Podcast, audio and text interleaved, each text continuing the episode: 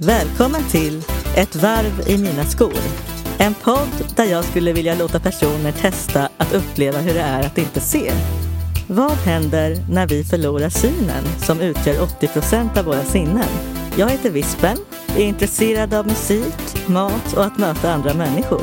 Jag är blind sedan födseln samt har autism. I varje avsnitt kommer jag att intervjua en person som får testa att bli ledsagad och att äta med ögonbindel. Personen får dessutom möjlighet att berätta om sitt liv. Alltså får vi också följa med en liten stund i dennes skor. Så här lät det när jag träffade Jimmy Wig som jobbat med att ta fram olika desserter.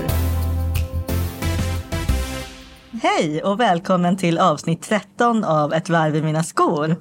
Idag så kommer jag intervjua Jimmy Wig som bland annat har jobbat mycket med att ta fram desserter på olika sätt. Hej och välkommen hit! Ja, men tack så mycket. Nu sitter vi här och du har ögonbindel nu i alla fall. Mm. Så har du testat sånt här tidigare på något sätt? Nej, inte vad jag vill minnas i alla fall. Nej, Nej? jag svarar nej. Så. Ja, för du har ju ett stort intresse i alla fall för mat och sådana grejer som jag förstår det. Det blir ju spännande här att se om du kommer kunna identifiera vad vi äter. Men också, Just det. det ska också bli intressant att höra ditt tänk här kring mat och framförallt efterrätter som är din specialitet. Så att Ja. säga. Nej, men det är, jag har gjort någon variant på det någon gång med mina vänner. Eh, att, vi skulle, att jag skulle smaka några örter de odlade hemma och jag satte inte alls. Jag sa något helt galet. Så de Oj. skrattade ju så de låg ner eftersom jag Oj, var kock då. Så då har inte jag vågat göra sånt här något mer. Nej, okej, men det är, Så jätte... ha inga höga förväntningar på mina smaklökar. det är kul att ha dig här i alla fall. Ja, men och, tack. Det är kul att få vara här. Ja, men vad bra. Ja. Ja, men då, nu har vi faktiskt fått in förrätten. Det gick fort idag här. Ja. Så jag tänker att vi provar. Ja, jag känner här. Mm. Det är ju något bröd där ja. Just det. det Och så ligger det, där är besticken Ja. ja. Man kanske nästan kan Det äta är någon slags toast av något slag Ja, det känns något- det som. Och något kladdigt här på. Så att, det var det. Fan vad är det här då? Är det någon sån här hollandaise-grej eller? ja, det känns så. Eller? Ja, Och ägg och hollandaise och bröd eller? aha, ja, det kanske det är. Just det, här Är det det som kallas för äggs benedict? Kanske. är det. Det är det kanske. Vad gött. Absolut. Du har ju jobbat med att göra olika efterrätter och sånt, så du får gärna berätta mer om det. Mm. Nej, men det var ju... Jag vet inte vad det var egentligen. Eller vad det utvecklades till. Det var så här när jag jobbade som konditor så satt jag på bussen på väg till jobbet. Man jobbade ju väldigt mycket då. Långa dagar. Så jag var väl på väg då till jobbet på 60-bussen när den gick. Och så satt jag och lyssnade på Wu-Tang Clan finns det ju en grupp som heter. Och de har ju en låt som heter The Mystery of Chess Boxing eller något liknande. Och chess bla bla bla. Den lyssnade jag på. Och så tänkte man på så här uh, olika serveringssätt. Istället för att bara äta direkt från en tallrik eller sådär. Tänkte jag, men då kanske man skulle kunna göra på ett schackbräde. Liksom, eftersom det var det de sjöng om. Och så lyssnar man på musiken. Sen utvecklades det till att göra en mixtape-menu som vi kallade det. Som när man spelade in kassettband förr i tiden. Då la man ju sådana mixtapes med sina bästa låtar.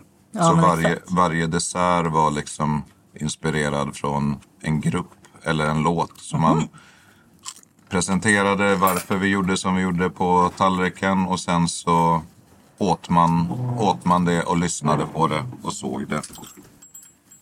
Så där var det ju att försöka använda mera sinnen liksom. Så som, som du berättar här med synen. Att du utgör, vad säger du, 80 procent. Exakt. Ja.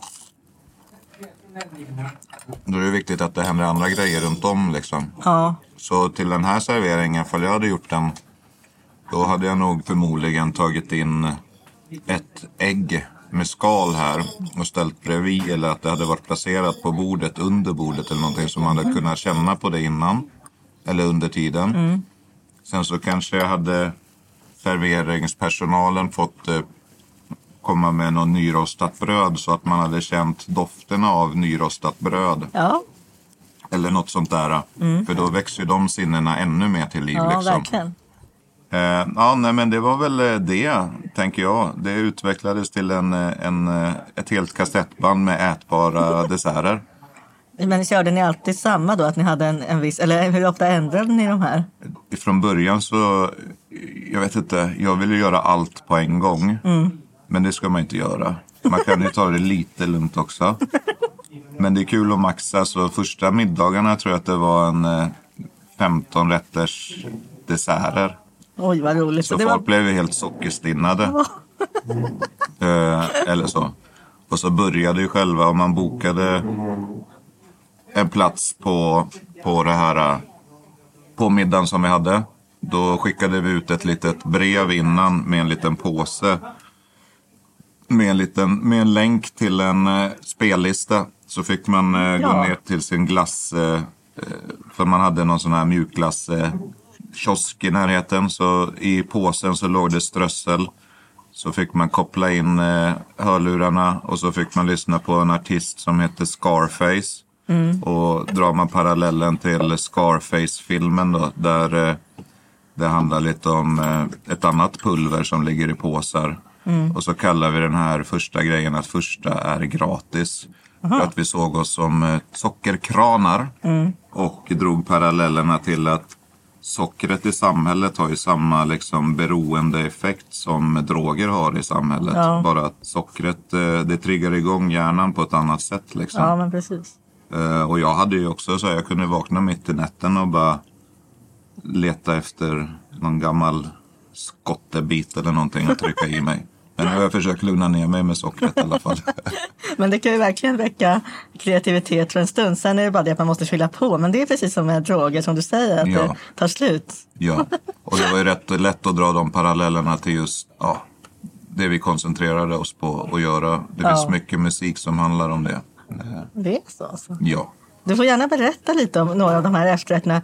Hur ni tog fram dem och hur ni tänkte då. Hur ni Ja. inspirerades. Hur fan tänkte vi då? Nej men det gäller ju att ha bra personer runt om sig som man kan bolla idéer med. Ja. Och personer som också säger eh, nej vad fan med det där verkar ju konstigt.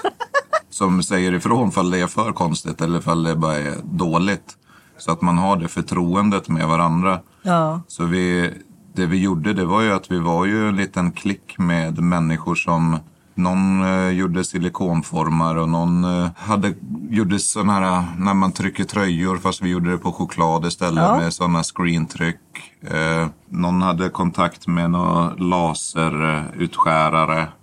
Så, och någon var, gjorde porslinet, så här eh, keramiker liksom. Ja. Så att det var många som var inblandade och då är det kul att, att dra det till sin yttersta spets. Ja. Liksom. Och det ena föder det andra. Att eh, om det är en rolig grej då blir folk peppade på att göra saker. Eh, så att det var mer som ett litet projekt än att det var ett, en restaurangverksamhet. Med tanke på att vi ville inte att det skulle kosta fläsk heller. Eh, Min tanke var ju att det skulle vara något som gemene man hade råd med att gå och käka en Ja. 15 rätters. Fast det blir för många rätter så det fick vi banta ner. Folk var ju helt eh, darriga efter en sån middag liksom. Det var bara söta grejer. Det var inget så här... Nej men det började med lite, med lite salt, bara en liten grej. Och sen så var det desserter och sen bröt vi av med en salt grej. Och sen blev det lite desserter och någon, sen blev det någon brödservering och sen blev det desserter. Så, Oj, att, så att det inte är så här klassiska grejen också. Så här, det ska vara förrätt, varmrätt, dessert. Vem är det som säger det? Vi får väl bestämma våra egna regler. Absolut. Vi kanske borde ha börjat med desserten här idag för att Ja, just få det. en bättre känsla för det som du har hållit på med. Men nu blev det inte så här. Nej, men det spelar ingen roll. Men det var väl också så här sättet att äta på. Ja. Eh, att det eh, brukar vara uppdukat med flera bestick och bla bla Ja, bla. ja. Men, men i vissa länder så väljer du att äta med, med händer. Exakt. Och det var också en liten uppmaning för jag käkar ju enligt vett och etikett på fel sätt. Då, när man ska ha gaffeln i ena handen och kniven i andra. Jag käkar ju tvärtom. Ja. Så jag hade väl säkert blivit bannad från någon Nobelmiddag. Jag äter faktiskt också tvärtom. Ja, och det, det sa jag lite så här innan alla började äta. Att hos oss får man äta precis hur man vill. Åh, vad bra. Eh, och att, man är, att vi inte dömer någon för att äta korrekt.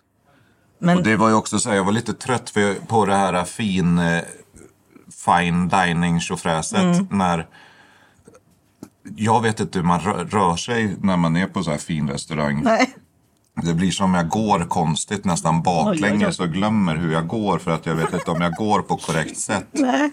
Men ändå så, så vet jag ifall jag jobbar i köket så är det jag som lagar maten eller det till de som går på korrekt sätt där ute. Men om jag själv är gäst där så känner jag mig bara obekväm i sådana Ja. miljöer. Det är ingen rolig känsla att man ska känna sig, oj hur ska jag vara här Ja, nu? exakt. Så det var väl lite så vi, vi gjorde med våra, våra middag.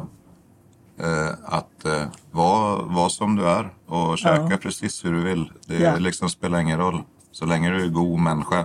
Eller Är du hur? ett rötägg då får du väl inte vara kvar.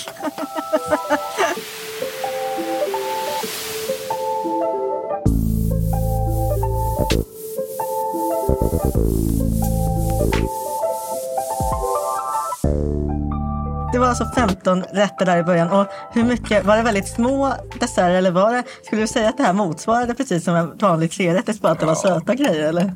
Vissa saker var väl små, men vissa saker. Man, vi började med, vi hade tagit ett sånt här kassettband då, som man hade på 90-talet. Så göt vi av kassettbandet.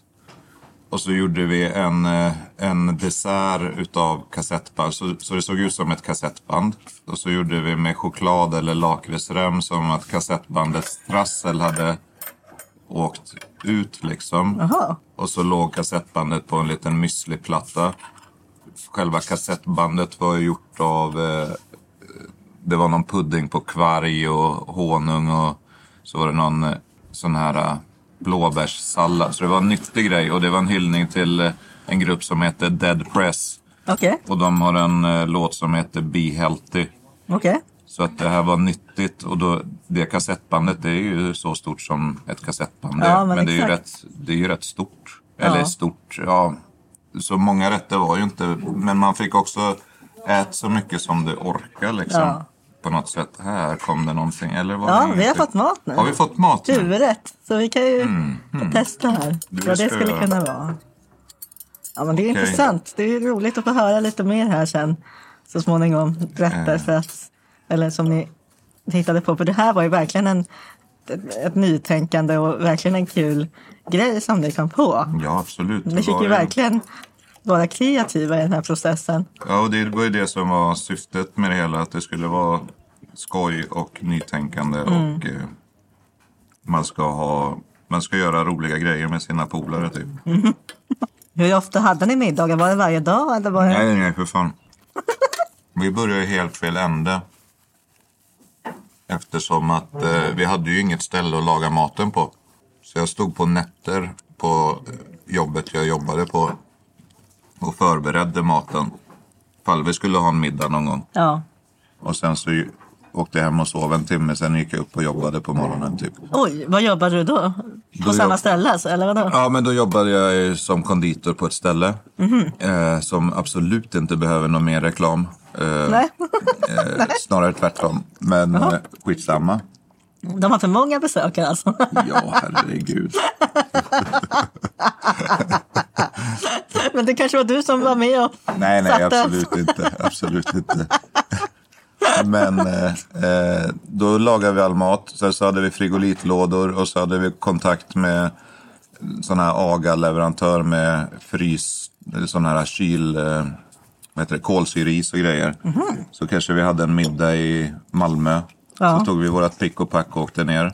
Hyrde ett släp Oj. Med allting. Så vi hade ju en speciell tallrik för varje rätt som var framtagen av eh, keramiken. Eh, Oj, oj, och oj. sådär. Vilken kul grej. Ja, det var ju asmäktigt. Men och det att var ju ändå också kunna så här, göra det här till en peng som ändå folk har råd med. Ja, det, det är ju tack vare att många schyssta människor runt omkring Mm. som var med och stöttade. Och Vad tror du att vi äter just nu då? risotto med svamp, eller? Ja. Det är svamp. Någon sallad. Någon sallad, jag kände nog någon rucola låg på toppen här. Mm. Men det är väl risottokungen som är i farten då? ja, Absolut. men vad gött. Ja, men det var det där kassettbandet och Mm. du får gärna berätta lite fler grejer. Ja, En av rätterna var ju var en hyllning till Snoop Dogg. Känner du till honom eller? Ja, lite grann. Ja, han har ju gjort en låt som heter, jag säger väl säkert fel men det spelar ingen roll. Serial Killer. Eh, och jag hoppas inte det betyder frukostflingor mördaren. Då tog vi ju en Barbie-docka. Så göt vi av benen och armarna på Barbie-dockan i silikonformar. Och så la vi, gjorde vi någon sån här äh, hallon eh, hallonsås. Med, finns en vinäger som är minus 8 vinäger. Som när man gör så här dessertviner så plockar man ju dem när de är druvorna när de är första frosten eller vad man säger. Ädelröta eller vad heter det? Ja. Skitsamma. Och det här vinägen var ju plockad när de var minus 8 grader då. Just för att få in att det är ett iskallt mord som ligger på tallriken. Oj, typ. oj, oj. Eh, och så slängde vi ut eh, den här röda såsen på, på tallriken så det såg ut som blodsplash. Sen så låg det lite kroppsdelar på tallriken. Och så spärrade vi av alla, alla som satt och åt med sådana här polisavspärrningsband. Det är väl preskriberat. Vi kände en polis så han fixade en rulle. Hon kanske det var. Eller han. Jag avslöjar inte vem det var. Nej. Eller så hittar vi det ute vid någon ställe. Skitsamma, vi spärrade av alla med sådana här polisavspärrningsband. Och sen så satte vi sådana saftblandare på bordet, alltså polis. Eh, så det var, blev ju som en brottsplats då när man käkar liksom. Så fick man lyssna på låten då som tillhörde Snoop Dogg till exempel. Ja. Och Snoop Dogg han bodde ju på, på det här stället jag jobbade på som jag absolut inte vill göra reklam för. när han var i Sverige en gång. Så då fick jag nys om det. Så då planterade jag upp en dessert på, i, på sviten. Där han skulle bo. Och sen så gjorde jag den här eh, desserten också till han. Ja. Så bad jag någon vakt gå upp med den till... eh, Men han kom bara upp till våningen under så träffade han en jättestor som var Snoop Doggs eh, livvakt. Då. Ja. Och så berättade han då det här är från eh, konditorn här på stället. Och han har gjort en hyllning till Snoop Dogg och bla bla bla. Och han den här jättestora amerikanska vakten han bara skrattade. Oh. Of course I'm gonna give it to him. Men jag vet inte, han kanske käkade upp den själv. Men jag vill ju tro att han eh, liksom att han gav den hela vägen. Sen dagen efter då såg jag på Instagram hade ju Snoop Dogg eh, fotograferat och lagt upp då den ena desserten jag hade planterat roligt. på hans eh, rum och skrivit att det var ätbart typ. Så det, Ja. var, det blir ändå ball när en idé går hela vägen. Ja. Att, eh, av att ha lyssnat på hans musik, blev inspirerad av det, gjort det och sen så är han helt plötsligt i Sverige. Att man får ge det tillbaks Det är då. klart. Det var ju rätt ball alltså. Ja. Störde ni mycket sociala medier under den här tiden? Jo, eller men det var var, det jo, absolut. Och det var ju så det spreds. Och det var lite därför jag tröttnade på hela skiten också. Oj då. Ja, men bland annat. Just för att man allting måste skötas korrekt med redovisning och eh, sånt som sånt som tar bort det roliga i det hela. Ja. Det tröttnade jag på. Och sen så just det här att folk följde oss på Instagram. De ville bara se vad är nästa grej. De betedde sig som de har varit på middagar men de har bara sett det på Instagram. Och så bara, men vad är nästa då? Vad är nästa då? Ja, men du har inte ens varit på middagen. Så då spelar det ingen roll liksom. Så det, det ledsnar man lite på liksom. När var det här ungefär? Jag har ju en vi liten nedräkning till, för att allting måste ju sparas en viss tid. Mhm. När man har, eh, ja man ska spara kvitton och hej och det. sånt där. Och det var ju det som tog udden på att det var roligt. Mm. Så när det har gått sju år ska jag göra en stor jävla brasa av alla permar och skit. Tänker jag. Mm. Eh, Så det är väl något år kvar. Sen så kan vi göra den här brasan. Oj, oj, oj. Och då ja. kanske det blir någon återkomst. För vi avslutade på ett rätt roligt sätt. Det var Fixfabriken fanns det något som hette i Majorna. De skulle jämna det med mark, marken för att bygga höghus där. Så då var det några konstnärer som kallade det för Sista Fixen. Och så var det massa olika utställare i den lokalen då, som skulle rivas. Och då undrade de om vi ville vara med. Så vi tog ett skyddsrum där inne och släppte in en soffa. Så köpte jag 100 kilo socker Oj! eh, och la upp på ett bord. Så satt jag och vägde sockret och la i små påsar. Och så bjöd vi på, bjöd vi på dessert. Och sen så dagen efter så skrev vi ett litet inlägg att eh, Socker-Conny kallar vi den karaktären. Att han hade tagit en överdos socker. Och han har tyvärr gått i graven. Och det var vårt sista inlägg Oj, oj, oj. på Instagram. Gravediggers finns en grupp som jag gillar väldigt mycket. Okej. Så det hade ju varit för man ska göra en återkomstmiddag någon gång i framtiden. Ja. Fall det hade varit kul. Allting handlar ju om att det ska vara kul. Liksom. Jag hade gärna gått på en sån i alla fall. Såklart. Jag gillar ju verkligen att testa nya smaker. Var det någonting som fick väldigt starka reaktioner på Instagram? Kommer du ihåg Mm. det var något särskilt ni gjorde som... Nej, men i tidningar. Det, det var ju många, många så här tidningar som skrev om oss eftersom att det var så jävla konstigt. Och så var det ju arga insändare som tycker att vi förskönar våld. Och, Oj, oj, oj. Men det gjorde vi ju absolut inte. Men det finns ju alltid folk som inte tycker att man kan göra på vissa Mm. sätt. Och det är väl kul att det finns prätt och ärslen. Eller vad man ska säga. Man kan ju välja att inte liksom, hallå. Tänker jag. Ja, Sen var det väl vissa konditorer också som tycker att man inte gör på vissa sätt. Och, oj, oj, oj. Men var det någon som fick positiva, Ja. positiv respons då?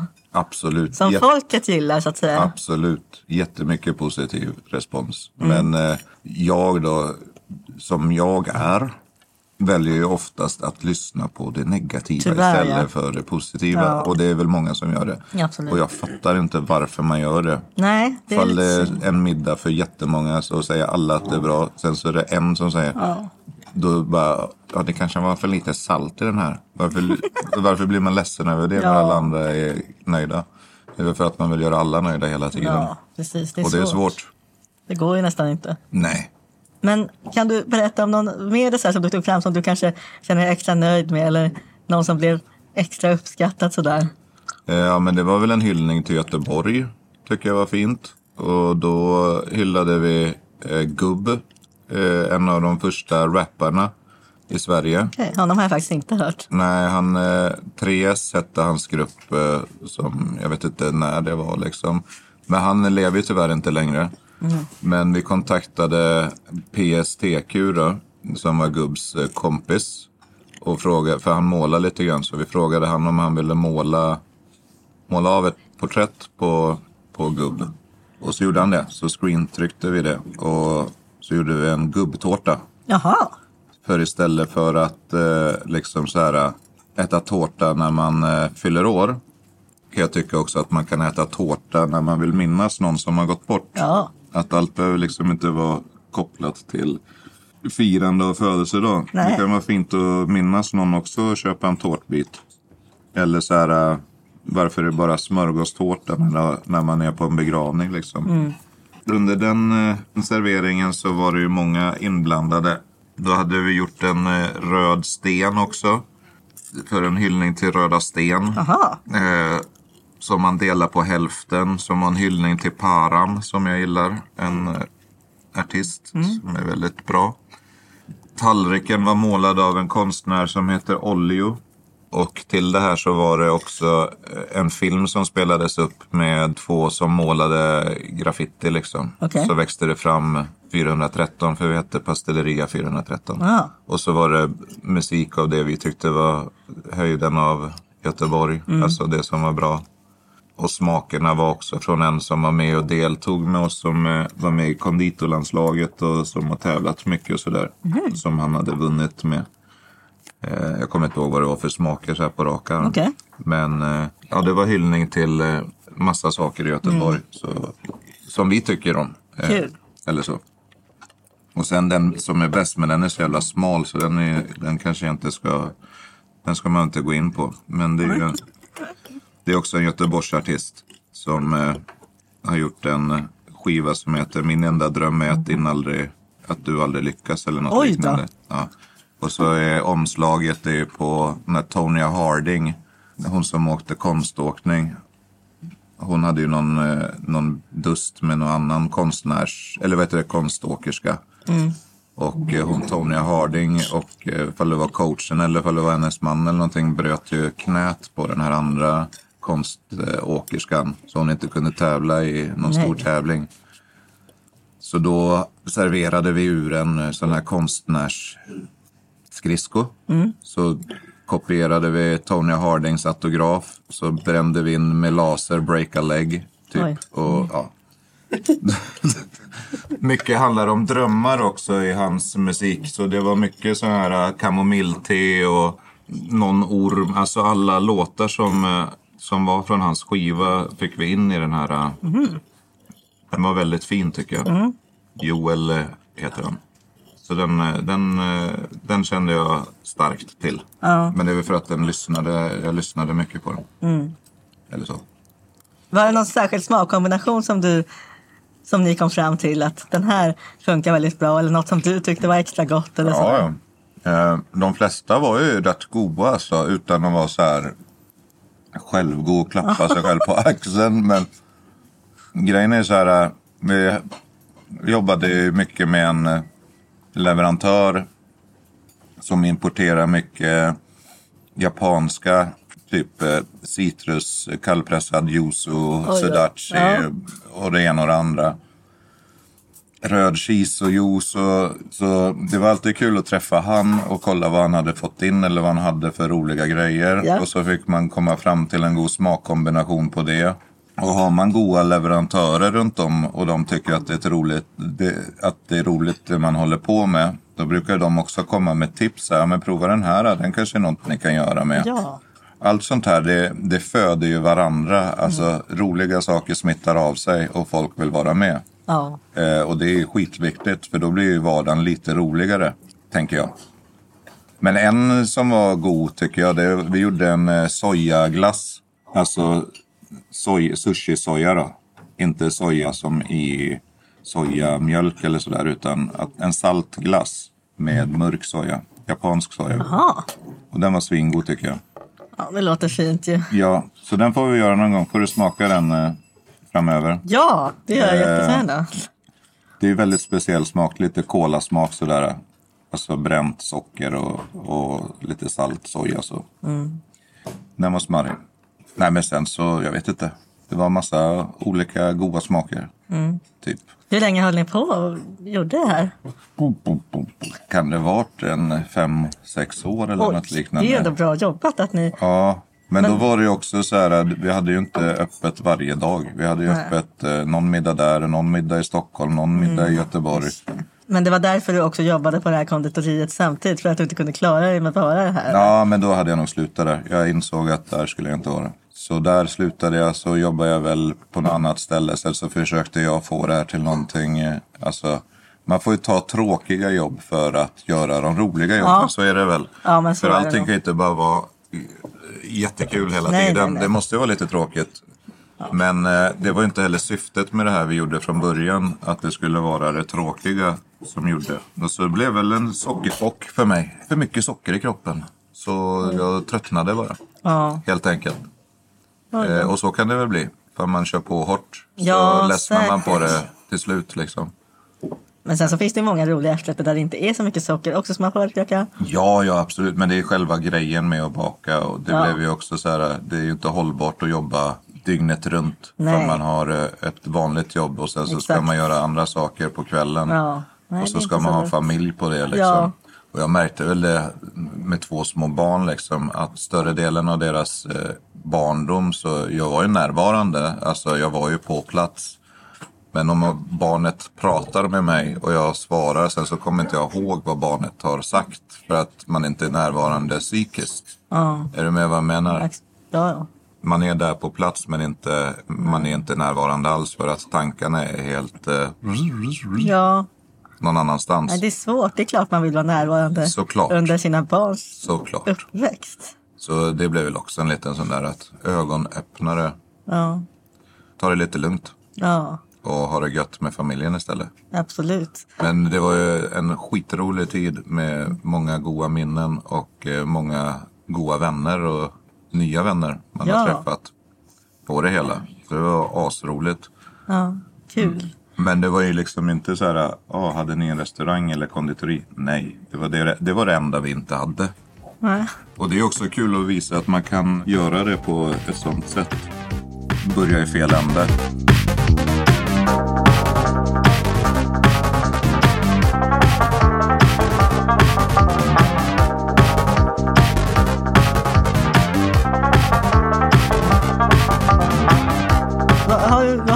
Framtids... För Ja. tankar om framtiden sådär? Nu mår jag ju väldigt bra. Eh, Kul att höra. Ja, och har ett väldigt roligt jobb som jag trivs med jättemycket. Men eh, nu eh, har jag ju startat ett baseballlag med gamla gubbar. Ja, Det, det är jättekul. Och där har vi asroligt. Och det är också så här ingen prestations... nej. Vi spelar lite matcher eh, utomlands en gång per år typ. Eh, Så nu var vi i Manchester och spela eh, i höstas. Och... Det bara för skojs skull eller var det någon tävling? Nej, de hade gjort så det blev en turnering. Vi skrev ju att vi är ett gäng gubbar som gillar att spela baseball och kanske dricka en öl. Jag vet inte, det är inget tvång liksom. Nej. Men man kan göra det om man vill. Ja. Så de visste vad vi var och att vissa har spelat mycket, vissa har aldrig spelat liksom. Men de valde att bjuda in ett lag från eh, Brooklyn, New York. Så att de kommer dit, så det blev en miniturnering. Vad roligt. Ja, men det blev ju stort. Så skulle de bjuda in ett lag från Spanien och ett från Tyskland, men de två hoppade av. Så vi var tre lag och då tänkte jag så här, ja, men då är vi ju i alla fall garanterad medaljplats. Eller hur? Eller hur? Så jag gjorde innan, då köpte jag med mig, vi var 15 som åkte. För de, eh, jag tänkte att engelsmännen, de har inte fixat några priser. Men jag tänkte att det kan vara kul för oss att få ett pris. Ja. Så jag köpte med mig, jag antog att vi skulle komma på tredje plats. Men Okej. man ska ju aldrig liksom räkna bort sitt Nej. lag. Så jag köpte med 15 silver och 15 guld också i fallat. Ja. Så tog jag dem på öppet köp. Ja. Ja!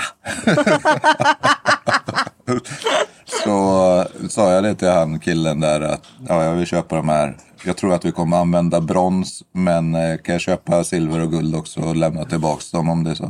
Och han sa ja absolut. Så fick alla, vi fick brons då. Ja, Eh, okej. Men vi hade fan en chans alltså mot de där amerikanerna. De ville man ju tvåla dit eftersom de har spelat, eh, spelat väldigt länge. Men det, dit ville, det jag ville komma till det var egentligen dagen efter vi hade spelat och sådär. Så åkte jag ut till deras plan och då hade de träning, deras eh, vad heter det, blind-baseball-gäng. Som spelar blind-baseball. Och då pratade jag med coachen där så förklarade han reglerna kring det hela. För jag har aldrig hört talas om blind-baseball. Inte jag heller. Nej.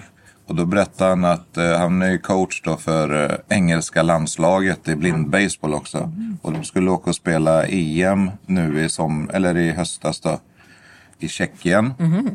Och det var första gången de skulle vara med. Så förklarade han alla regler och så vilken boll man använder. Och för det jag tänkte det var ju hur ska man liksom träffa en boll som vanligtvis flyger mot den. Ja. Men så var det inte alls. Det här var ju ett helt annat sätt Jaha. att tänka på. Hur funkar det? Då har man några coacher på planen som har synen med sig då. Okej. Och den här bollen är ju ur... Eh, har de borrat ur så har de stoppat in bjällror i. Ja. Så att eh, om någon slår bollen, man, slår, man håller i sin hand och så slår man med slagträ eller rack. Ja. Och så är det inom en viss gräns måste de vara inne för att vara giltig. Okej. Det här är en eh, sport där den som springer, man springer helt själv. Vanligtvis så brukar det, för att man ska springa så har man med sig någon, någon som springer i närheten eller du vet så här. Ja, precis. Men här är det ljud då, så att då hör man att där ligger den basen som jag ska till.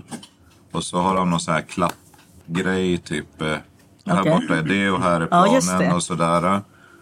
Och sen så de som är ute på planen, de får inte röra sig inom en viss gräns för då är det någon, eh, heter det, tråd eller vad man nu ska säga. För I så fall kan det ju bli kollektion med den Ja. som spring, springer och då blir inte bollen giltig och sådär och man kan skada sig. Ja. Men jag håller på att ska läsa igenom reglerna Ja. tänker jag. Och eh, eh, tänker att vi ska starta det första svenska blindbaseballlaget. Ja, stort lycka till med det. Ja, och där börjar vi också i fel ända. Vi kommer att heta Pippi City Blind Jays.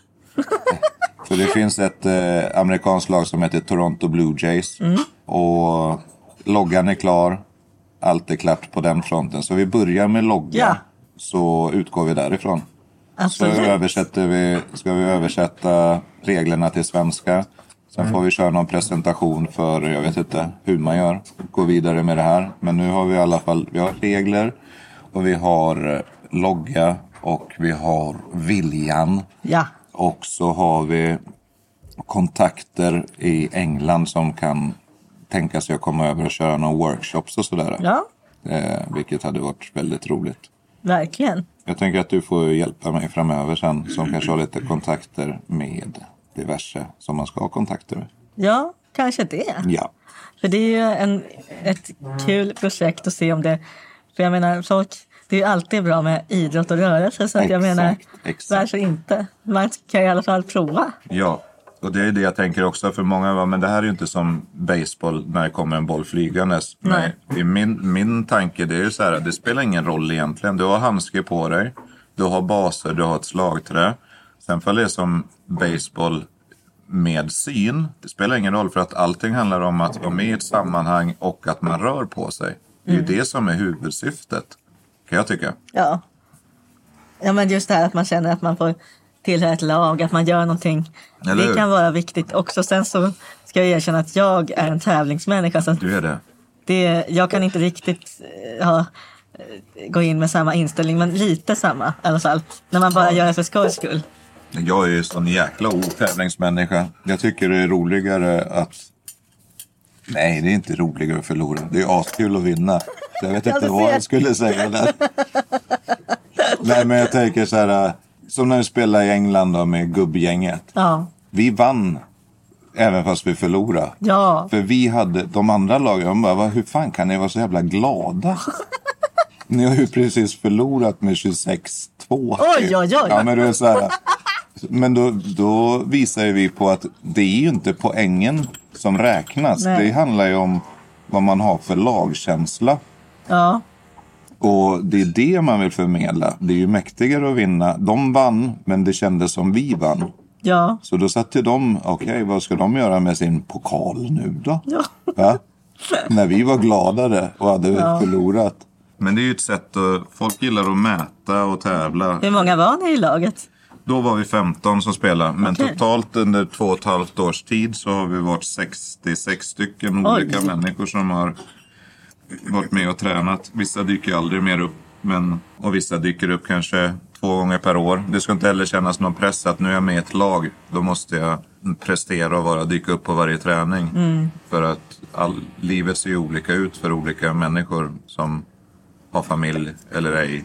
Vissa kan träna mer och vissa kan träna mindre. Ja, Och det är helt okej liksom. ja, Så länge man är en god människa.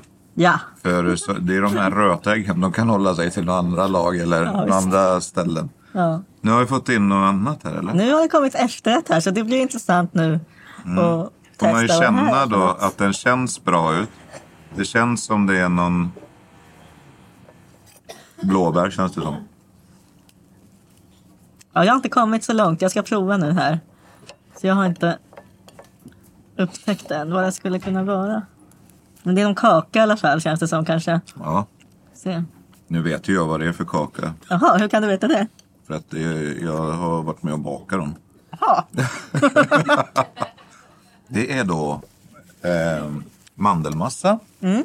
Eh, och så är det ägg. Och så är det smör. Och vetemjöl. Jaha. Så det är som en eh, massarinkaka liksom. Okej. kakan. Men det är väl med bär och grädde va? Eller? ja det smakar så. Mm. Men eh, jaha, du bara fick något, något ryck och så. Nej, jag fick verkligen inte ett ryck. Men eh, har ju sån här bakkurs här på tisdagar ibland. Just det, Ja, och då kom du på det här. Nej men då blev den här, den är alltid bra att ha. För Mm. att det, man kan eh, göra så här så som de har gjort. Lägga Mm. på lite goda bär så är det klart. Ja, det är enkelt och bra. Eller hur? Det behöver inte vara så svårt ibland. Det, är bara, Nej. Och det det, enkla kan vara gott. eller hur? Är det något annat som du skulle vilja prata om eller berätta? Eller, ja. Nej, jag vet Nej. inte vad, vad det skulle vara egentligen. Nej, Avslappnande på något sätt och bara Ja. stänga av det här ett tag. i eller hur? Eh, och bara full fokus på eh, dig, din röst och, Mm. eh, och eh, maten här. Ja, Liksom. För om, eh, om jag synar mig då kommer, hade jag garanterat suttit och kollat runt här vad som händer runt Ja. om i lokalen. Var faktiskt på en restaurang igår med eh, min familj. Och det var, då sa jag faktiskt till min fru att jag frågade, ska du inte gå till, till barnen för de skulle, jag vet inte, köra någon sån här airhockey eller någonting. Okej. Och det här var en sån här sportbar då. Så hon bara, nej men vi kan ju sitta här. Och jag bara, men jag kan inte, jag kan inte fokusera här. För att vart jag än kollade så var det tv-apparater med någon sport på. Och hon menar på, men du kan ju prata med mig. Jo, men mina ögon dras åt, eh, åt tv-apparaten hela tiden. Även fast jag inte bryr mig om. Nej. Jag tror att det var någon så här Frölunda mot Lidköping eller Linköping eller något i hockey någonstans. Sen var det någon så här uh, Fulham mot, jag vet inte vad det var andra var för lag. Det också så här. Just det var flera man såg samtidigt eller? Ja, ja. Och jag tror det var 20 tv-apparater runt om liksom. Plus att jag hade en som var precis på väggen bredvid mig. Mm. Eh, Så vart jag än kollade så var det massa intryck Ja. som ögonen drogs åt. När eh, egentligen skulle de ju, det här kan jag ju inte säga på dras åt min fru. Såklart de gör det. Eh, nej men liksom det blir, det blir så mycket annat som stör då liksom. Så det här var ju helt tvärtom. Jag skulle tagit med dem här igår på middagen med familjen. Det är säkert många som ändå är nyfikna på att se det här som du har gjort, eller som ni har gjort tillsammans, de här efterrätterna. Går det fortfarande att ta del av det? Absolut. Det finns ju på Youtube, Pastelleria. Det är konditori på spanska då. Pastelleria 413. Ja. 413 är ju postkoden här i Masthugget, Okej. Linné. Och det är samma på Instagram och där finns det också länkar till eh, Youtube då. Stort tack för att du kunde tänka dig att gästa min podd. Ja, tack själv. Och ta, ta det lite med en klackspark får man väl avsluta med. Tack så mycket. Du, tusen tack. Skulle du också vilja uppleva en måltid utan syn? Eller har du förslag på någon som du skulle vilja höra en intervju med? Kontakta mig på vispen grunden.se. Ljudtekniker i dagens avsnitt var Johan Lejon, Anders Wallén och Rickard Ferreira. Stort tack för att du har lyssnat!